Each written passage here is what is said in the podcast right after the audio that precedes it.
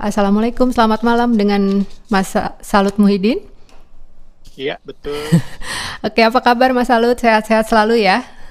Alhamdulillah. Nah, bagaimana buka puasanya lancar? puasa hari ini lancar. Sudah seminggu nih kita puasa ya Mas Salut ya, seminggu betul, lebih. Betul. Tapi Lebaran masih lama, masih tiga minggu lagi nih ya. Belum lewat. Oke, uh, sebelumnya terima kasih banyak atas kesediaan Mas Salut untuk berbincang-bincang dengan saya di channel podcast Kacamata kita ini Mas Salut ya, untuk berbincang-bincang Yeah. tentang topik diaspora Indonesia. Jadi memang sekarang kita sedang uh, menghadapi pandemi COVID-19 ini Mas Salut ya. Jadi rasanya semua perhatian ya, termasuk para akademisi tercurahkan gitu kan di topik ini ya Untuk dengan COVID, segala ya. betul dengan dengan uh, apa uh, berbagai ekspertis yang uh, yang dimiliki oleh para akademisi kita. Tapi ternyata dari perbincangan saya dengan teman-teman banyak juga yang merindukan ya. Jadi uh, mereka juga kangen gitu dengan topik-topik lain gitu Mas Alu ternyata ya. Boleh. Nah, uh, jadi akhirnya uh, setelah dari hasil ngobrol teman-teman dengan teman-teman itu saya putuskan oke lah mungkin beberapa episode kacamata kita ini uh, saya perlu lagi untuk menggali topik-topik di luar COVID-19 untuk uh, membuka kesempatan kepada teman-teman pendengar saya ini untuk terus belajar ya untuk topik-topik lain. Jadi nanti begitu udah selesai ini insya Allah COVID-nya sudah ready lagi nih dengan pengetahuan-pengetahuan baru gitu ya Mas Alut ya. Boleh, alhamdulillah. Oh, by the way, suara saya clear ya? Clear, bagus, bagus banget Mas Alut. Thank you. Oke. Oke. Thank you. Iya, eh, jadi sesuai yang tadi sudah kita bicarakan di awal, eh, malam ini kita akan berbicara, berbincang-bincang tentang topik diaspora nih Mas Alut ya. Eh, mungkin eh, banyak masyarakat Indonesia yang masih belum terlalu familiar dengan istilah diaspora ini dan baru apa ya, baru istilah ini baru baru uh, mengemuka sekali itu kalau nggak salah pada tahun 2012 ya pada saat diselenggarakannya Kongres Diaspora Indonesia pertama di Amerika Serikat. Mulai waktu itu perhatian masyarakat Indonesia uh, uh, uh, apa uh, meli- melihat pada potensi diaspora Indonesia yang ternyata cukup besar gitu loh. Uh, dan kemudian tahun 2017 saat itu Mas Salut ya ada kongres berikutnya yang cukup besar juga ya yang dihadiri oleh uh, mantan Presiden Barack Obama kan saat itu dan Betul, betul. akhirnya publik publik Indonesia pun kembali uh, mencermati gitu tentang uh, diaspora Indonesia ini. Nah, cuma itu tadi mungkin ada sebagian teman-teman kita yang masih belum terlalu familiar nih tentang uh, arti dari diaspora itu sendiri. Boleh nggak Mas Aulut mungkin uh, jelaskan dari hal yang paling dasar gitu ya. Sebetulnya apa sih yang dimaksudkan dengan diaspora tuh Mas? Oke. Eh, sebelumnya terima kasih buat Lia atas undangannya. Eh, Eno juga eh, selamat ya baru acara kemarin minggu lalu. Terima kasih sudah bersedia hadir jadi saksi. jadi saksi langsung ditodong jadi narasumber. Terima kasih banyak Mas Aulut. Iya. Eh, jadi memang eh, suasana eh, apa dalam COVID ini membuat orang semua dipaksa untuk kreatif ya, termasuk Betul. harusnya kita langsung di studionya, tapi karena nggak belum boleh atau masih restricted, kita jadi lewat ini. Eh, mohon maaf kalau suaranya nanti mungkin agak putus-putus atau apa. Iya, oke Oke. siap.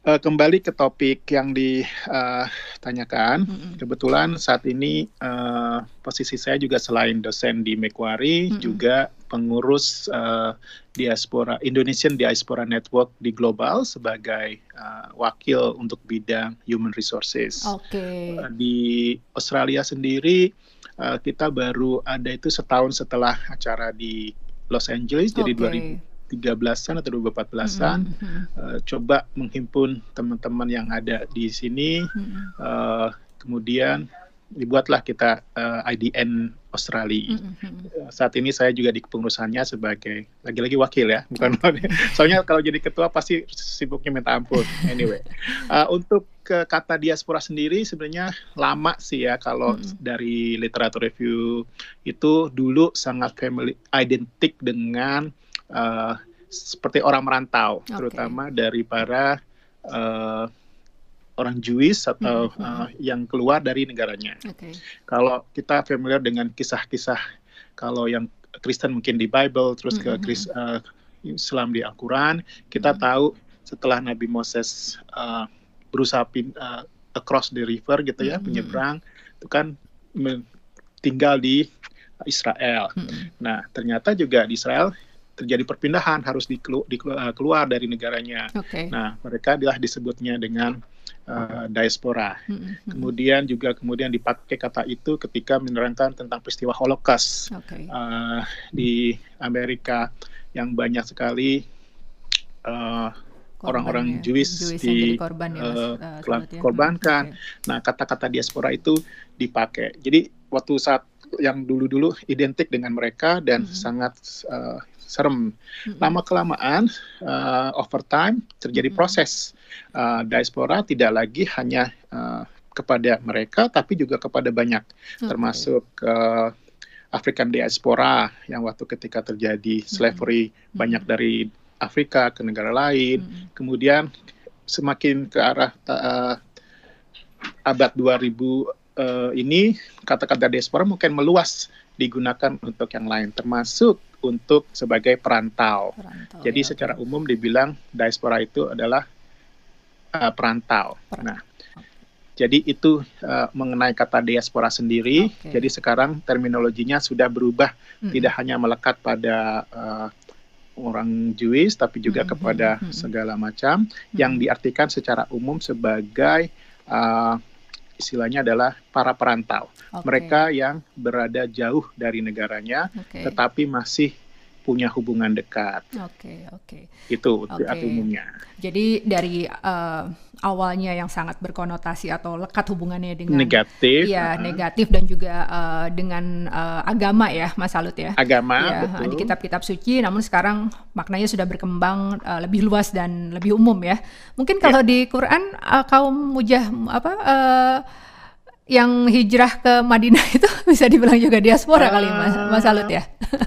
bis, kalau kita mau bilang diaspora bisa juga, uh, tapi tidak pernah terminologi diasporanya dipakai. Oke, okay, oke. Okay, uh, Mungkin karena kata diaspora sendiri lebih refer dari Greek word ya, Dias, okay. diaspir, artinya spreading, spreading atau okay. uh, penyebaran mm-hmm. keluar dari wilayahnya. Okay, Sementara okay. waktu itu kan kita bukan mau menyebar, tapi memang uh, menghindari, menghindari uh, bahaya perbenturan, ya, perbenturan ya okay. daripada mm-hmm. ini lebih baik uh, itu lebih kepada uh, perjalanan okay. malah Oke, okay, ya.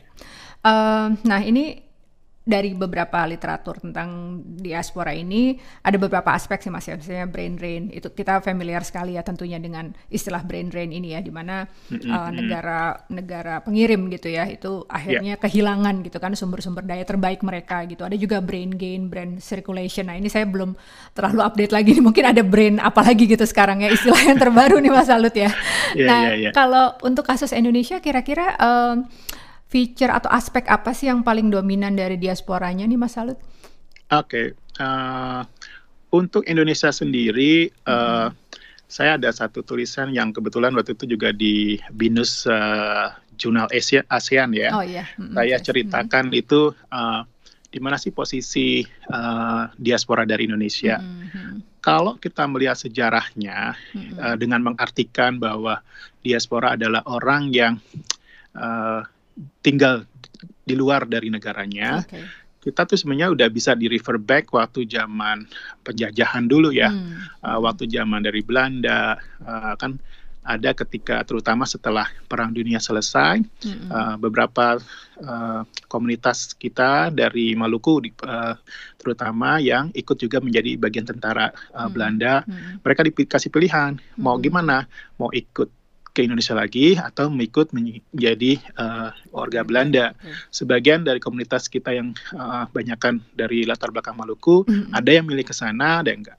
Nah, okay. itu kalau, kalau sudah bilang itu juga cikal bakal diaspora. Okay. Selain itu juga lagi-lagi zaman Belanda, hmm. mereka kan saat-saatnya waktu itu adalah mencari uh, resources di luar negaranya yang nggak ada mm-hmm. uh, dan mereka itu kebutuhan banyak tenaga terutama mereka kan kecil mm-hmm. jadi beberapa petani Jawa dibawa ke negara jajahannya, termasuk Suriname. Hmm. Nggak heran kalau di Suriname bahasa Jawa, yeah. terutama dari kalangan yang rakyat biasa juga berkembang. Yeah. Makanya nggak heran kalau Didi Kempot oh, di iya. sana langsung ngetop. Gitu. Salah satu apa apa mungkin fans hardcore-nya itu fans banyak yang dari Suriname ya Mas ya? Suriname, ya. Okay, ya. ya. Jadi artinya bahwa uh, perkembangan diaspora Indonesia itu sebenarnya bisa di trace back dari hmm. histori ya, hmm. dari mulai zaman Belanda, kemudian setelah perang kemerdekaan kita banyak mengirim student-student terutama hmm. waktu zaman Soekarno uh, kita ngirim student-student ke negara-negara sosialis iya, ke Eropa Moskow. ya. hmm. Jadi banyak beberapa orang yang tinggal di sana hmm. dan kadang-kadang ya namanya manusia ya pertama pergi mungkin kan sekolah atau hmm. kerja tiba-tiba kayaknya kerasan ya udah stay sana. Hmm. Jadi uh, tidak uh, ada beda-beda uh, macam-macam. Jadi uh, komunitas Indonesia masih uh, kita tidak bisa bilang diaspora di mana nih gitu. Kayak di Malaysia mm-hmm. banyak kita didominat saat ini oleh para pekerja migran. Okay. Itu secara proporsi besar. Mm-hmm. Di Australia komposisinya 50-50 ya antara yang pekerja dengan juga memang niat beresiden di sini. Okay. Mm-hmm. Di Amerika dimulai lebih banyak student atau uh, keluarga-keluarga yang mm-hmm. pernah bekerja di sana mm-hmm. kan uh, American Dream istilahnya ya mm-hmm. semua orang open jadi juga mungkin 50-50 antara pekerja dan uh, mulai dari kerja atau jadi student mm-hmm. nah jadi uh, kita harus melihat petanya oh, uh, negara okay, mana ini ya. kalau di Europe lebih banyak historically background jadi okay. network yang ya. dulunya yeah. terus datang ke sana okay. uh, mungkin itu yang baru kita uh, bisa okay. saya petakan okay. Jadi memang tidak ada karakteristik khusus secara nasional ya Mas ya. Kita harus melihat belum uh, uh, ya uh, belum kita, ya. Oke, kita harus melihat per negara kali ya, uh, seperti apa polanya yang terjadi di tiap betul, negara betul. gitu ya. Oke, nah uh, kalau berbicara diaspora kan mungkin kita paling lekat itu kaitannya dengan aspek ekonomi sih mas ya. Um, iya, iya. Namun diaspora itu kan juga sebetulnya sering menjalankan fungsi lobby politik di beberapa negara ya Mas ya dan betul betul ya, ya. yang sudah tidak terbantahkan lagi tentunya inilah ya apa lobby kelompok-kelompok Yahudi kan di di oh, yeah. uh, di mana untuk untuk negara Israel gitu ya di Amerika mm -hmm. sangat kuat gitu atau mungkin yeah. juga di apa contoh-contoh negara lain salah satunya mungkin diaspora Tamil juga akan cukup kuat pada betul, waktu betul di IT sektor uh, uh, betul yeah. uh, uh. nah uh, gimana nih Mas kalau kalau diaspora Indonesia, Indonesia sendiri nih ya, ya misalnya gini deh, kita kan masih punya masih punya ganjalan lah untuk kasus Papua nih Mas ya. Dan yeah. ya kita tahu di beberapa negara termasuk juga salah satu di Australia itu kan lobby-lobby dari mungkin kelompok NGO ataupun partai itu cukup kuat kan yang masih mendukung kemerdekaan uh, Papua misalnya. Nah, ada nggak sih Mas uh, ketertarikan diaspora Indonesia untuk terlibat dalam politik nasional di host country-nya itu Mas? Seperti hmm. ya menjadi kelompok lobby atau menjadi MP. Karena kayaknya negara lain juga kan mulai nih uh, kalau nggak salah Vietnam ya kayak mulai juga hmm. tuh ya Korea, Vietnam kan uh, juga mulai cukup aktif gitu diasporanya dalam politik dalam negeri negara hostnya. Ada nggak mas kecenderungan diaspora Indonesia untuk ke situ nih kira-kira nih? Oke, okay, uh, mm -hmm. ya uh, terima kasih pertanyaan mm -hmm. yang bagus banget karena memang itu sudah menjadi uh, pembicaraan terutama dari kalangan diaspora network ya. Okay. Jadi uh, jadi memang kita harus hargai uh, inisiasi dari Pak Dino Patijalal mm -hmm. waktu itu tahun 2012. Beliau masih menjabat sebagai uh, dubes di Amerika. Yeah. Jadi uh, in, sebenarnya idenya sederhana awalnya bahwa mm -hmm. uh, kalau tahun berapa sih kebangkitan nasional itu 28 ya. Mm -hmm. uh, 20 Oktober ada para pemuda kumpul terus menyatukan Indonesia. Mm-hmm. Kenapa enggak sekarang juga uh, karena mengingat bahwa Indonesia sudah banyak keluar para diaspora ini, kenapa enggak juga kita kontribusi semangat kebangkitan? Itu ide dasarnya bahwa ingin memberikan. Karena yang jelas memang tadi saya bilang ada di negara ini lebih dominan pekerja, ada di negara uh, Timur Tengah misalnya di Mesir banyakkan pelajar, mm-hmm. terus di Belanda tengah-tengah antara yang pelajar dan juga non pelajar. Okay. Kemudian di negara lain dominan sama profesional hmm. di Singapura hmm. misalnya ya. Jadi uh, cuma uh, mungkin uh, nanti kalau makin lama tinggal di Sydney dan Australia, hmm. uh, Mbak Lia juga akan tahu Indonesia itu banyak kelompoknya, nggak okay. cuma waktu latar belakang Indonesia bahwa datang dari Sumatera, datang dari Jawa, datang mm -hmm. ini. Hmm, hmm. Setelah nyampe di negara lain pun mereka juga ada yang suka berkelompok-kelompok. Oh, iya. uh, misalnya kita di Sydney aja, kita ada dari uh, Minang Saio, kita mm-hmm. ada Bonapasogit dari Sumatera, ada uh, kerabat Jawa gitu ya. Mm-hmm. Uh, dulu seperti itu semuanya. Jadi masih ada kelompok dan kadang-kadang uh, sulit untuk menyatukan. Okay. Tapi alhamdulillah makin ke sini mm-hmm. sudah ada perekatnya, misalnya mm-hmm. KJRI atau Diaspora Network mm-hmm. gitu ya. Mm-hmm. Nah, yang membuat uh, karena kelompok dan uh, istilahnya kita besar tapi spread out gitu ya, mm-hmm. spread somewhere there, somewhere there gitu ya. Mm-hmm. Uh, beda dengan misalnya India yang mm. mereka senangnya Ngumpul. udah satu ini kumpul gitu ya, okay. dan mereka punya spesifik misalnya I want to target IT sektor. Iya iya betul gitu betul ya. sekali mas. Uh, terus betul. kalau di uh, Jewish misalnya kayak uh, dia uh, bedagangnya gitu ya. Mm-hmm. Nah karena kita tadi masih berpencar-pencar, hmm. sebenarnya kita hmm. kalau misalnya ada yang ahli IT, ada yang hmm. ahli restoran, ada yang ini, hmm. itu bisa kalau bersatu aja, jadi kan menguatkan satu ini. Hmm. Jadi kadang-kadang ada yang satu kuat, tapi yang lain nggak kuat. Jadi hmm. mau dibilang benar nggak Indonesia ahli di bidang makanan gitu ya? Okay. Nah, jadi uh, itu juga yang kita challenge ke semua teman. Hmm. Sebenarnya kita bisa nggak memberikan krit, uh, ciri khas sendiri. Hmm. Uh, ya sudah dimulai dari teman-teman yang ber, uh, bergerak di bidang kuliner, okay. bahwa katanya Indonesia uh, sangat uh, ba bagus atau istilahnya kaya tentang terhadap makanan hmm. ya. Uh, terus kalau dibanding dengan Thai restoran kok belum banyak di iya, Indonesia betul, gitu betul. juga kan. Hmm. Kalau ini uh, mungkin karena ya tadi kalau dibilang Indonesia, apakah gado-gado udah mewakili Indonesia? Apakah rendang mewakili Indonesia? Jadi uh, kadang-kadang kita sulit juga untuk bilang. Iya, karena kita loh, diverse ini. banget sih Mas ya. Diverse iya. sekali hmm. itunya. Tapi uh, arah ke sana sudah okay. mulai.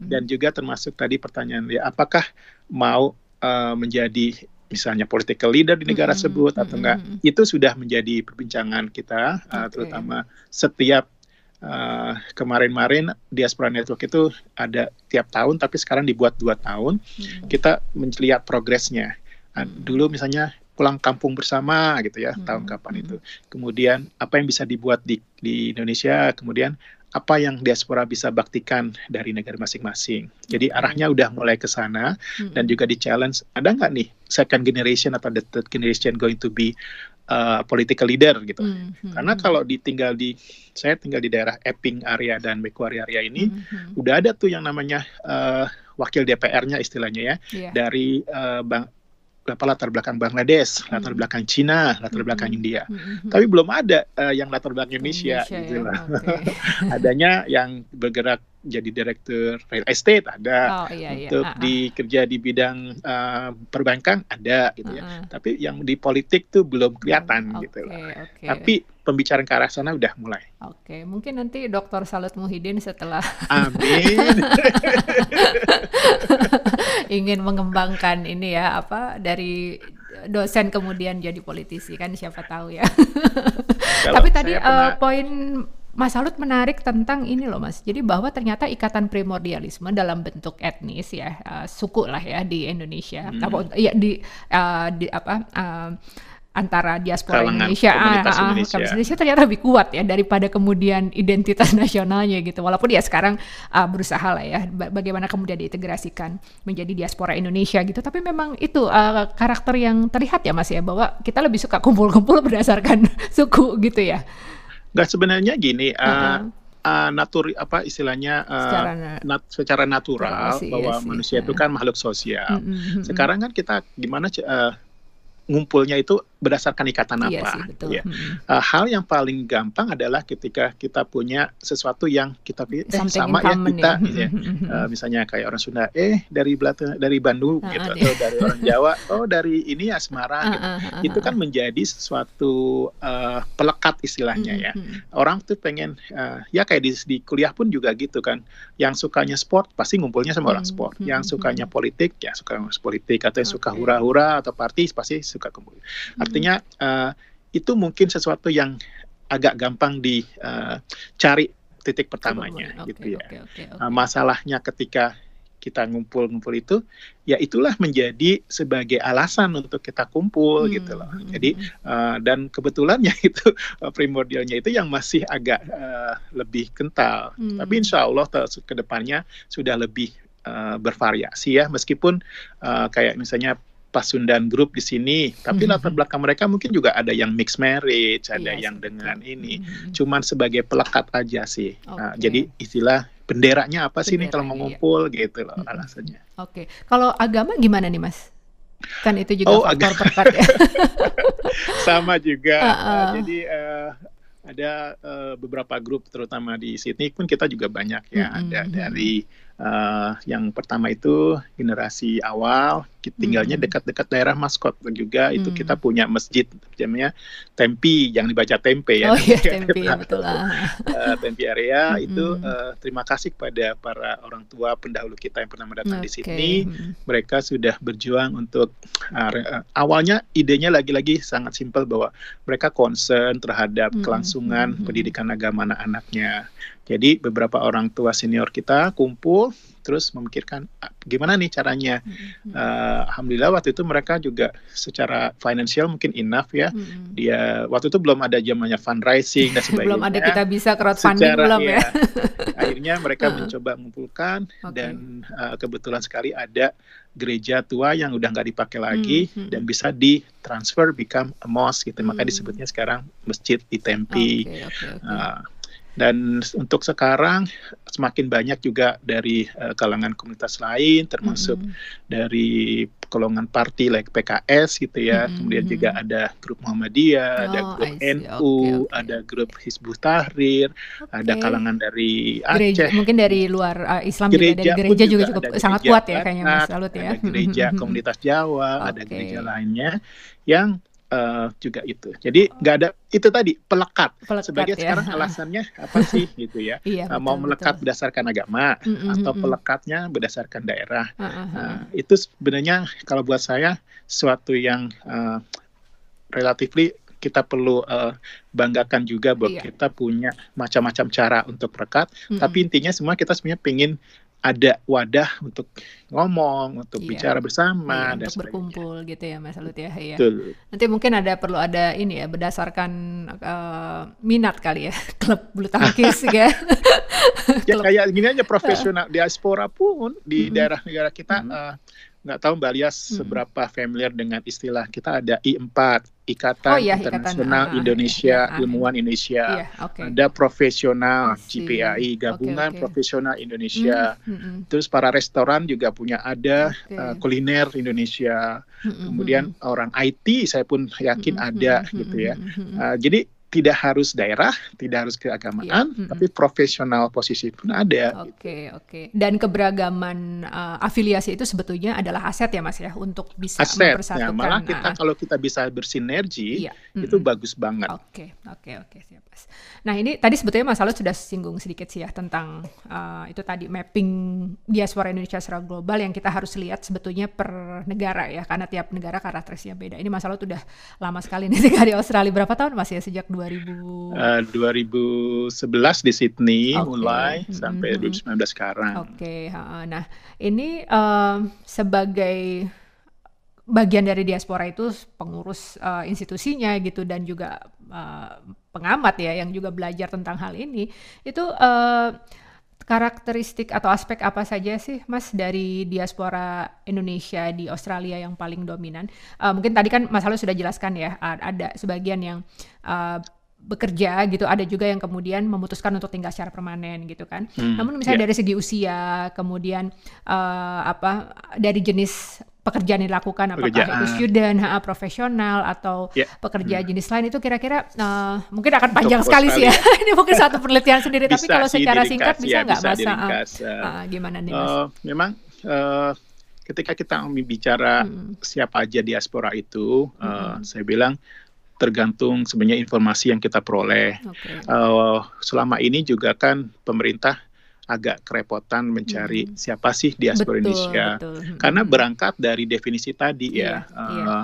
Kalau IDN atau Indonesian Diaspora hmm. Network itu kita mencoba merangkum as many as possible diaspora. Okay, okay, okay. Uh, misalnya gini, kalau kita yang namanya diaspora itu ada tiga kategori. Mm -mm. Uh, jadi mereka yang memang lahir di Indonesia mm -mm. tapi besar di luar. Mm -mm.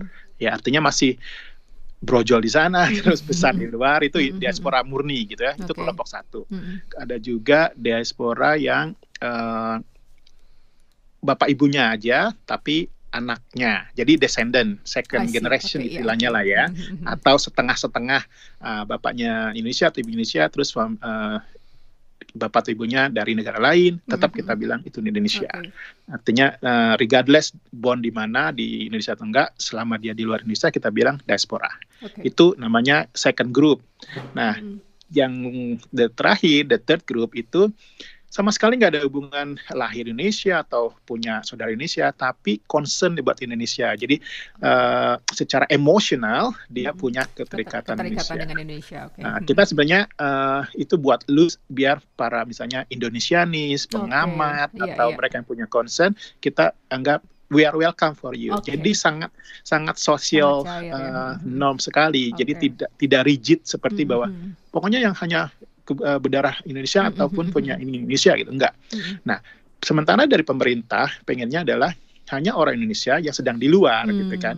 Jadi kan kita agak ya di kamu ngomong diaspora yang mana nih gitu.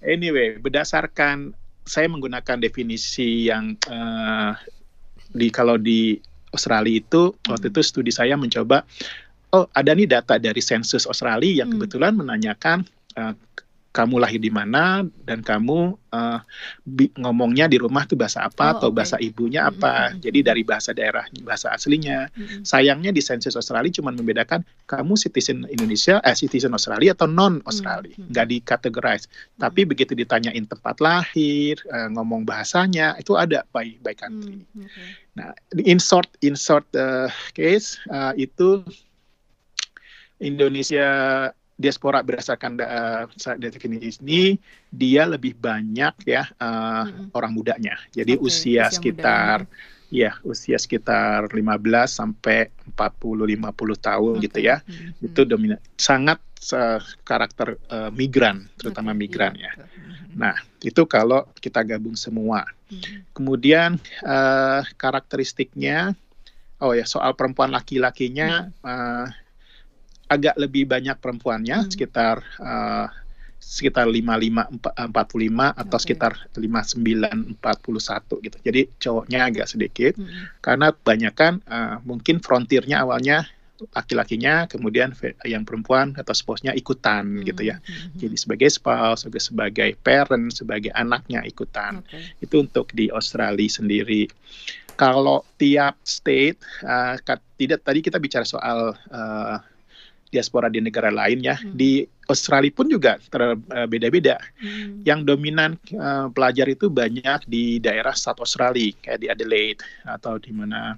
Tapi kalau di Sydney uh, lebih banyak uh, datang sebagai uh, migrant workers, either profesional hmm. atau sebagai uh, permanent resident. Hmm, hmm. Uh, ada ada studentnya, tapi hmm. tidak sebanyak kalau di South Australia. Oh, gitu ya? Makanya ketika hmm. kita lihat uh, berdasarkan kapan datangnya itu lebih banyak yang recent coming itu sekitar 2-3 tahun lalu itu di daerah South Australia. Hmm. Nah, hmm. Sementara kalau di Sydney, uh, Brisbane agak berimbang ya antara pelajar dan juga profesional hmm. ataupun yang residen.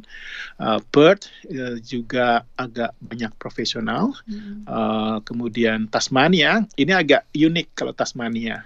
Oh kalau Melbourne atau Victoria dia uh, banyak yang pelajar tapi didahului dengan datang ke sini bukan pelajar dulu uh, jadi lebih pada visit family-nya atau oh, saudaranya gitu. kemudian transfer okay. jadi pelajar gitu ya okay, okay. Uh, eh, hmm. kalau di Tasmania ini agak unik karena dia di pulau ya hmm. jadi yang lama ada yang pelajar tidak terlalu banyak sih lebih banyak penghuni lama gitu yang hmm. udah mau spending di cold weather. kalau there is no other choice, kalau student ya udah deh uh, sana gitu karena agak dingin juga dingin, dibanding ya. di tempat hmm. lain. Hmm. Soal profesional atau enggaknya, hmm. uh, bentar saya lihat itu lumayan banyak uh, yang bekerjanya di bidang apa nih ya?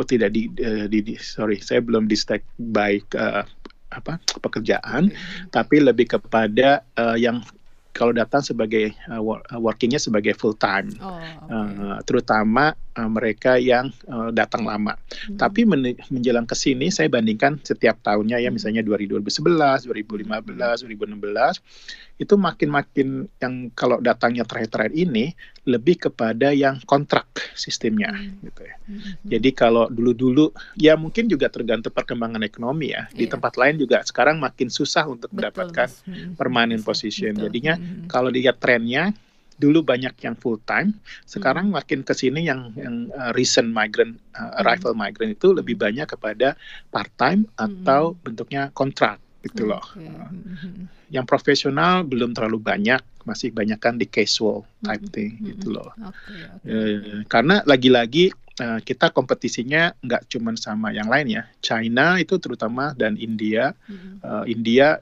ya secara natif mereka juga sudah bagian bahasa Inggrisnya ya. Iya. Kemudian, uh, nah satu lagi kesulitannya, ketika kita tidak uh, punya network yang kuat, mm-hmm. itu juga menjadikan uh, challenge buat ketika datang ke sini. Mm-hmm. Karena di mana-mana uh, mungkin nanti bisa ngobrol dengan teman-teman lain di sektor lain. Mm-hmm kayak di uh, cleaning service saja misalnya. Hmm. Student-student ketika pengen coba part time misalnya hmm. atau di uh, shopping center hmm. itu kalau nggak ketemu sangkutannya istilahnya iya, agak susah hmm. gitu. Uh, ingat teman-teman di Macquarie Uni hmm. kita pengen kerja di Macquarie Center misalnya, hmm. ketika ada satu Indonesia yang pernah nyantol di sana lebih gampang proses dibandingkan ketika ya. kita proses dari awal lagi okay, gitu ya, okay, okay. Uh, karena oh udah didominasi sama orang uh, Meksiko nih, orang iya. Filipina gitu, waduh susah lagi, gitu lagi. Oke, berarti itu tadi network itu penting ya, Mas ya. Uh, network uh, sangat, sangat penting, penting ya. Dan tadi menarik ya bahwa bahkan di setiap state sendiri uh, karakteristiknya beda ya. Bervariasi. Uh, bervariasi. Ya, ya saya, saya kan sekolah di New Zealand nih masih ya di Christchurch yeah. pula gitu yang kotanya nggak terlalu nggak uh, terlalu banyak lah orang Indonesia jadi memang uh, ya saya saya merasakan hal yang sangat berbeda gitu loh uh, pada saat hmm. saya pindah ke Australia gitu di mana apa rasanya saya gampang sekali menemukan orang yang berbicara da dalam bahasa Indonesia Bas, gitu ya di di yeah. public transport bahkan pernah saya lagi di satu tempat di stasiun apa saya lupa itu di depan saya itu teteh-teteh ngomong bahasa Sunda gitu loh dan saya langsung ya waduh gitu kan iya jadi uh, uh, saya pikir dengan tadi dengan segala karakteristik yang Mas selalu ceritakan saya pikir mungkin uh, diaspora Indonesia di Australia merupakan salah satu yang cukup uh, mungkin paling potensial juga ya Mas ya untuk dikembangkan gitu ya networknya yeah. karena jumlahnya juga besar oke okay. uh, nah ini yang terakhir nih Mas um, uh, tahun ini akan ada kongres lagi. Oh, kayaknya sih nggak akan nggak ada ya adalah karena enggak, enggak, karena uh, sedang covid ya. Oh tahun depan, oke. Okay. Iya. Yeah. Um, menurut Mas Salut, ya mungkin kita kaitkan juga dengan krisis sekarang ya. Tapi kalaupun juga tidak ada krisis gitu ya, bentuk kontribusi apa sih Mas yang paling tepat gitu dan yang paling memungkinkan gitu di, diberikan oleh diaspora Indonesia kepada tanah airnya saat ini? Soalnya gini Mas, kadang kan masih tuh ya ada keluhan-keluhan kayak misalnya, saya mau pulang gitu, tapi nanti saya nggak dihargai gitu kan nanti ilmu saya nggak kepake hmm. gitu kan uh, apa uh, keluhan-keluhan atau curhat-curhat yeah. seperti itu masih sering terdengar gitu ya walaupun Presiden Jokowi sendiri kan sampai benar-benar menghimbau kan ayo ayo kita apa, apa kalian pulang gitu kan tanah air yeah. kalian membutuhkan kalian gitu nah cuma apakah kemudian gitu ya diaspora Indonesia ini ma apa menunjukkan kontribusi optimalnya itu dengan pulang gitu mas. Atau sebetulnya ada, hmm. ada bentuk lain gitu di mana mereka bisa tetap menetap di negara di mana mereka tinggal sekarang tapi bisa memberikan kontribusi yang juga tidak kalah optimal dengan mereka pulang. Nah kira-kira gimana nih mas? Kontribusi seperti apa sih mas yang yang ini yang paling tepat gitulah diberikan oleh diaspora Indonesia pada saat ini? Ya makasih. Hmm. uh, ini sangat relevan sekarang hmm. ini. Uh, sebenarnya premisnya udah mulai agak berubah. Okay. Uh, mungkin dihubungkan sama tadi yang ada brain gain, brain drain, brain, uh, brain circular ya. Uh, dulu memang uh, ketika terutama awal-awal diaspora kata-kata diaspora diumumkan itu uh, orang pokoknya bayangannya hidup di luar tuh enak ya. Uh, sementara kita agak susah-susah di tanah air gitu loh. Uh, ngapain mikir ini? Jadi, uh, aduh nanti yang pintar-pintar aja pada keluar mm-hmm. itu kan mm-hmm. itu waktu uh, premis kata-kata brain okay. uh, drainnya yeah, yeah, yeah. Mm. kemudian terus ada juga mulai diubahkan ketika kita mulai promosi soal diaspora dan sebagainya mm-hmm. bahwa uh, bisa juga brain gain atau brain circulation artinya mm-hmm. nggak harus kita ke sana tapi juga kita di sini dipakai uh, prinsipnya sebenarnya itu terjadi nggak cuma di tanah air ya, sesama hmm. diaspora pun juga gitu. Okay. Ketika pulang pengen dong dihargai, hmm. difasilitasi hmm. gitu ya. Hmm. Di saat yang sama juga di Indonesia terjadi uh, gini, katakan misalnya kita minta uh, ada waktu rame sih waktu pas pemilu-pemilu. Kok hmm. kenapa kita nggak ada wakil sih dari Indonesia ya, gitu, betul, betul, wakil diaspora dapil gitu ya. ya. Uh, padahal dapilnya masuk dapil, ke Jakarta. Iya, dapil Terus, strategis kok ya. kita kita uh, dapilnya masuk Jakarta. Hmm. Memangnya Jakarta mewakili luar negeri. Betul, betul, Terus iya, sementara iya. dari dari pihak yang jadi uh, terpilih ya kita dapil Jakarta tapi kalau kunjungan kerja kunjungan ongkos Jakarta gimana kita mau kunjungan kerja ke luar negeri gitu loh uh, okay. jadi uh, mereka juga bertanya kita bertanya gitu ya mm uh, terus at the end of the day sebenarnya di dialog sih yang membuat kita makin agak cair suasananya mm jadi uh, waktu pas pembukaan oleh SBY dibilang ya silahkan pulang kita hargai. Hmm. Kemudian juga ke para diaspora ketika pulang, loh ilmu saya begini, saya butuh lab atau butuh yang hmm. alatnya seperti ini, kok nggak ada, hmm. percuma dong saya pulang gitu.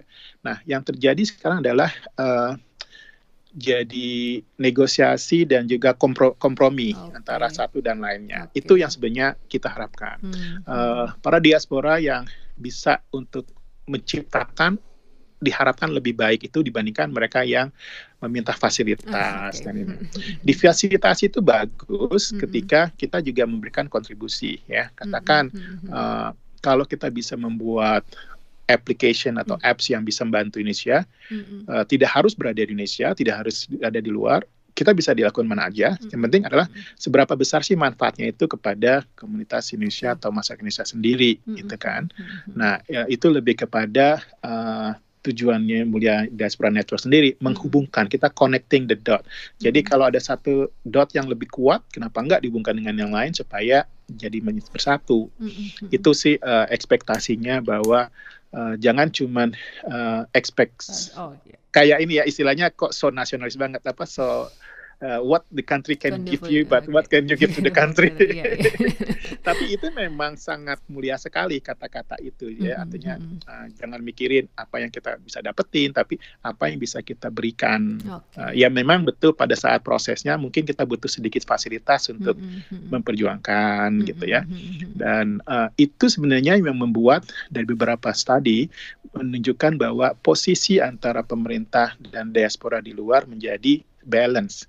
Kalau sekarang ini kan seperti ada satu pengen satu yang lain tidak bertemu. -hmm. nah, di ketika ada dialog, maunya di sana apa, kita maunya di sini apa gitu. Nanti negosiasi uh, ketemu negosiasi itu yang membuat kita istilahnya bermitra jadinya. -hmm. uh, jadi diaspora akan dianggap sebagai mitra, bukan sebagai saingan. -hmm. Demikian juga uh, nanti persepsi di tanah air jadi oh ternyata di luar negeri nggak semuanya enak, ada juga yang kerja sampai malam harus ini dan iya. ini juga uh, artinya ya mungkin gajinya kalau di dolar gede, tapi kan uh, opportunity cost yang lain juga mahal, Betul. tidak punya pembantu, jauh dari orang tua dan sebagainya.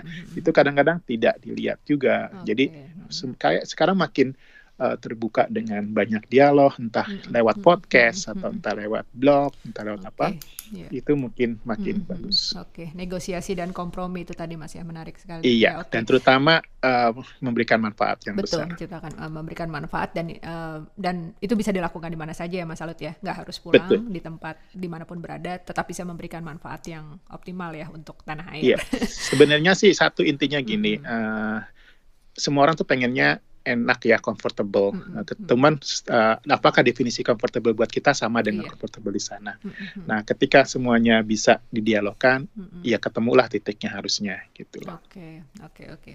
Iya, uh, terima kasih banyak atas bincang-bincang kita malam ini Mas Alut. uh, banyak sekali poin menarik. Saya jadi saya dulu soalnya skripsi saya tentang tenaga kerja migran Indonesia di Malaysia okay. mas. Jadi masih ada nih passion yang mungkin setelah S3 ini ingin lagi gitu menekuni tentang ini ya tentang migrasi dan juga tentang apa dan termasuk juga mungkin uh, tentang diaspora gitu. Uh, Terima kasih banyak dan saya yakin nanti pendengar podcast saya juga banyak sekali mendapatkan masukan. Kalau kalau boleh ada satu message terakhir boleh? Boleh, oh, silakan silakan Mas. Hmm. Ya, uh, yang tadi kan tanya apa diaspora lakukan saat ini, hmm. ya terutama berkaitan dengan COVID. Ya, okay. Kebetulan hmm. ya kebetulan kemarin malam kita uh, dari diinisiasi oleh Diaspora Network Global, kita berbincang dengan Pak Wakil Menteri oh, iya, Luar dengan Negeri. Pak Mahendra Siragar ya. Betul, uh, dan alhamdulillah di sana uh, kelihatan apa sih ekspektasi dari okay. pemerintah, yeah. kemudian juga hmm. kontribusi uh, kita appreciate terhadap semua or pihak, mm -hmm. terutama dari para pekerja di rumah sakit ya, ya sebagai mm -hmm. garda terakhir atau garda terdepan mm -hmm. yang sudah menangani ini. Oleh karena itu kita juga dari beberapa negara laporan ke Pak Wamen bahwa hmm. ada yang menghimpun dana untuk beli APD, ada yang okay. juga mencoba memfasilitasi, memfasilitasi para pekerja migran hmm. yang mau balik gitu ya, hmm. atau juga memberikan uh, bantuan kepada para terutama para pelajar yang misalnya kekurangan atau enggak. Okay, uh, iya, jadi iya, iya. mungkin itu adalah cuman kasih tahu bahwa di mana pun berada kita sebenarnya concern okay. kok terhadap apa pun yang terjadi okay, di tanah air. Oke okay, oke. Okay. Tadi poinnya menarik, uh, tepat banget tuh mas yang apa memberikan bantuan kepada tenaga kerja migran ya, karena kan mereka juga hmm. masih uh, ya harus berjuang kan dalam apa oh, iya, kondisi ya, COVID seperti jadi, ini ya. Uh, menurut Pak Wamen itu hmm. ada sekitar lebih dari hampir 60 ribuan kalau nggak salah, hampir uh, akan menda men kontraknya tuh habis gitu ya. iya. ya. Uh, sementara negara masing-masing kan juga Betul, kapan mau memperpanjang atau iya, ini nggak iya. tahu ya sedang kapan ya. kesulitan ekonomi juga ya gitu kan. Betul. Hmm. Kalau para ABK anak buah kapal yang dikerja di perusahaan hmm. besar mungkin dia punya jaminan oke okay, kamu pulang dulu nanti begitu ini hmm. kita hire lagi, mm-hmm. dengan pesangon tiap bulan segini. Mm-hmm. Itu kalau yang kerjanya lumayan bagus. Mm-hmm. Nah, sementara pekerja migran terutama di daerah Timur Tengah dan di Malaysia dominannya, mm-hmm. itu mereka kadang nggak ada ketidakpastian. Hmm. Ya kita bilang ya tahu sendirilah kita suasananya seperti ini. Hmm. Uh, kapan mau di hire lagi juga kita nggak tahu kapan iya. gitu kan. Hmm. Uh, cuman emang agak beda di Malaysia kan banyak kan dikerja grup sebagai kayak uh, company, sementara di Middle East kan banyak kan yang kerjanya per orang per family hmm. gitu ya. Hmm. Per family mungkin bisa tergantung kau familynya baik ya kamu iya. datang lagi deh kalau udah. Hmm. Tapi kalau yang kayak uh, di pabrik atau di perusahaan kan itu kayak as a group gitu ya harus hmm. hire semua itu. iya betul. Dan pelajar juga nih Mas ya. Karena kan kayaknya banyak juga yang mengalami kesulitan ya. Karena iya. beberapa yeah. kan juga mereka part time job gitu kan. nah, terutama ya yang iya. agak sulit. Betul betul. Iya. Jadi terima kasih sekali tadi infonya bahwa ya diaspora Indonesia di mana pun berada itu berusaha juga menyumbangkan yang terbaik ya pada masa iya. krisis ini ya Mas ya. Oke, uh, terima kasih bang banyak Mas Salut, uh, sehat selalu, salam untuk keluarga. Terima kasih. Selamat menjalankan ibadah puasa di hari-hari berikutnya ini. Oke, Baik. Uh, terima kasih sekali lagi. Assalamualaikum warahmatullahi wabarakatuh. Waalaikumsalam.